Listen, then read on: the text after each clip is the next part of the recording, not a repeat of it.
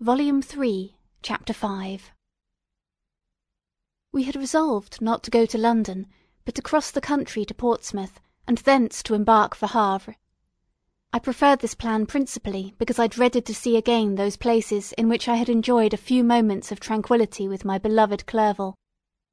I thought with horror of seeing again those persons whom we had been accustomed to visit together, and who might make inquiries concerning an event the very remembrance of which made me feel again the pang I endured when I gazed on his lifeless form in the inn at. As for my father, his desires and exertions were bounded to again seeing me restored to health and peace of mind. His tenderness and attentions were unremitting; my grief and gloom was obstinate, but he would not despair. Sometimes he thought that I felt deeply the degradation of being obliged to answer a charge of murder and he endeavoured to prove to me the futility of pride. "Alas, my father!" said I, "how little do you know me! Human beings, their feelings and passions, would indeed be degraded if such a wretch as I felt pride.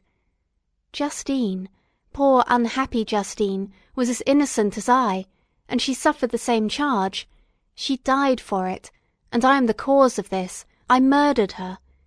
William, Justine, and Henry, they all died by my hands. My father had often, during my imprisonment, heard me make the same assertion. When I thus accused myself, he sometimes seemed to desire an explanation, and at others he appeared to consider it as the offspring of delirium, and that, during my illness, some idea of this kind had presented itself to my imagination, the remembrance of which I preserved in my convalescence. I avoided explanation, and maintained a continual silence concerning the wretch I had created. I had a feeling that I should be supposed mad, and this for ever chained my tongue when I would have given the whole world to have confided the fatal secret. Upon this occasion my father said, with an expression of unbounded wonder, "What do you mean, Victor? Are you mad? My dear son, I entreat you never to make such an assertion again." "I am not mad!" I cried energetically. "The sun and the heavens, who have viewed my operations, can bear witness of my truth. I am the assassin of those most innocent victims; they died by my machinations. A thousand times would I have shed my own blood, drop by drop, to have saved their lives. But I could not, my father; indeed I could not sacrifice the whole human race. The conclusion of this speech convinced my father that my ideas were deranged, and he instantly changed the subject of our conversation, and endeavoured to alter the course of thoughts.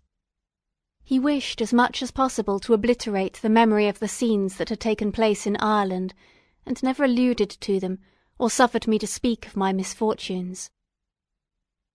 As time passed away I became more calm; misery had her dwelling in my heart but I no longer talked in the same incoherent manner of my own crimes; sufficient for me was the consciousness of them.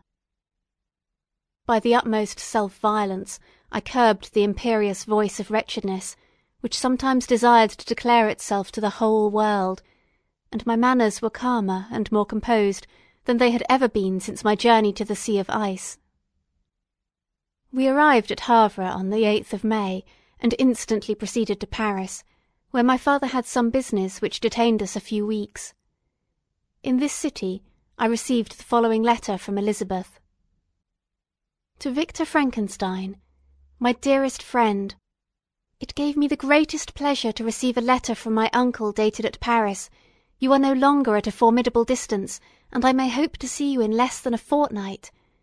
My poor cousin, how much you must have suffered! I expect to see you looking even more ill than when you quitted Geneva. This winter has been passed most miserably, tortured as I have been by anxious suspense, yet I hope to see peace in your countenance, and to find that your heart is not totally void of comfort and tranquillity. Yet I fear that the same feelings now exist that made you so miserable a year ago, even perhaps augmented by time. I would not disturb you at this period, when so many misfortunes weigh upon you, but a conversation that I had with my uncle previous to his departure renders some explanation necessary before we meet. Explanation, you may possibly say, What can Elizabeth have to explain? If you really say this, my questions are answered, and I have no more to do than to sign myself your affectionate cousin. But you are distant from me, and it is possible that you may dread, and yet be pleased with this explanation, and in a probability of this being the case, I dare not any longer postpone writing what, during your absence, I have often wished to express to you, but have never had the courage to begin. You well know, Victor, that our union has been the favourite plan of your parents ever since our infancy. We were told this when young, and taught to look forward to it as an event that would certainly take place. We were affectionate playfellows during childhood, and dear and valued friends to one another as we grew older. But as brother and sister often entertain a lively affection towards each other without desiring a more intimate union, may not such also be our case? Tell me, dearest Victor, answer me, I conjure you by our mutual happiness, with simple truth, do you not love another? You have travelled, you have spent several years of your life at Ingolstadt, and I confess to you, my friend, that when I saw you last autumn so unhappy, flying to solitude, from the society of every creature, I could not help supposing that you might regret our connection, and believe yourself bound in honour to fulfil the wishes of your parents, although they opposed themselves to your inclinations. But this is false reasoning. I confess to you, my cousin, that I love you, and that in my fair dreams of futurity you have been my constant friend and companion. But it is your happiness I desire as well as my own, when I declare to you that our marriage would render me eternally miserable unless it were the dictate of your own free choice. Even now I weep to think that, borne down as you are by the cruellest misfortunes, you may stifle, by the word honour, all hope of that love and happiness which would alone restore you to yourself. I, who have so disinterested an affection for you, may increase your miseries tenfold by being an obstacle to your wishes. Ah, Victor, be assured that your cousin and playmate has too sincere a love for you not to be made miserable by this supposition. Be happy, my friend, and if you obey me in this one request, remain satisfied that nothing on earth will have the power to interrupt my tranquillity. Do not let this letter disturb you. Do not answer tomorrow, or the next day, or even until you come, if it will give you pain. My uncle will send me news of your health, and if I see but one smile on your lips when we meet, occasioned by this or any other exertion of mine, I shall need no other happiness. Elizabeth Lavenza, Geneva, May 18th, 17. This letter revived in my memory what I had before forgotten, the threat of the fiend, I will be with you on your wedding night. Such was my sentence, and on that night would the demon employ every art to destroy me, and tear me from the glimpse of happiness which promised partly to console my sufferings. On that night he had determined to consummate his crimes by my death. Well, be it so. A deadly struggle would then assuredly take place, in which, if he was victorious, I should be at peace, and his power over me be at an end. If he were vanquished, I should be a free man. Alas, what freedom! Such as the peasant enjoys when his family have been massacred before his eyes, his cottage burnt, his lands laid waste, and he is turned adrift, homeless, penniless, and alone, but free. Such would be my liberty, except that in my Elizabeth I possessed a treasure. Alas, balanced by those horrors of remorse and guilt which would pursue me until death.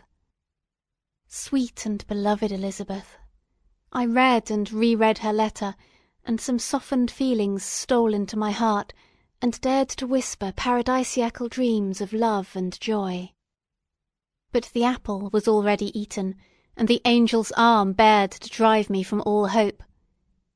Yet I would die to make her happy. If the monster executed his threat, death was inevitable. Yet, again, I considered whether my marriage would hasten my fate. My destruction might indeed arrive a few months sooner, but if my torturer should suspect that I postponed it, influenced by his menaces, he would surely find other, and perhaps more dreadful means of revenge. He had vowed to be with me on my wedding night, yet he did not consider that threat as binding him to peace in the meantime; for, as if to show me that he was not yet satiated with blood, he had murdered Clerval immediately after the enunciation of his threats. I resolved, therefore, that if my immediate union with my cousin would conduce either to hers or my father's happiness, my adversary's designs against my life should not retard it a single hour.